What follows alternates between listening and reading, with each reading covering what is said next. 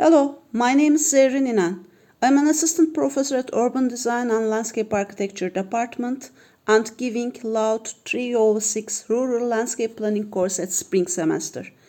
This course aims to give feedback to the students about the components of rural landscape planning and design, the rural landscape planning processes, and planning techniques of conservation areas such as natural areas, national parks, nature reserves, wetlands, agricultural areas and settlement types, highway and scenic roads, and recreational opportunities in rural areas.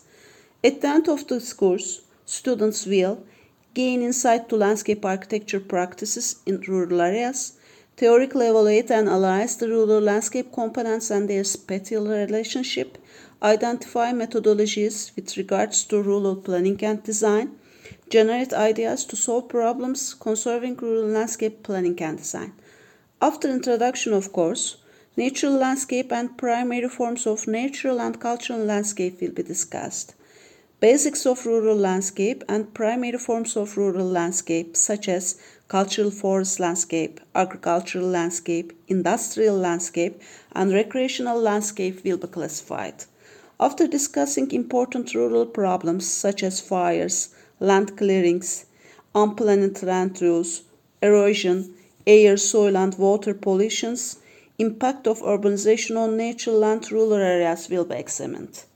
Methods and stages of rural landscape planning, such as planning principles of cultural forests, agricultural landscapes, rural recreation sources and basic principles of recreational planning, rehabilitation of landfills and regeneration principles of industrial landscape, reconstruction, rearrangement and redevelopment of agricultural lands, conservation of cultural values of agricultural landscape, and arrangement principles of architectural settlement units will be explored. In the final, contemporary studies and new approaches in rural landscape design and planning by means of up-to-date examples will be discussed.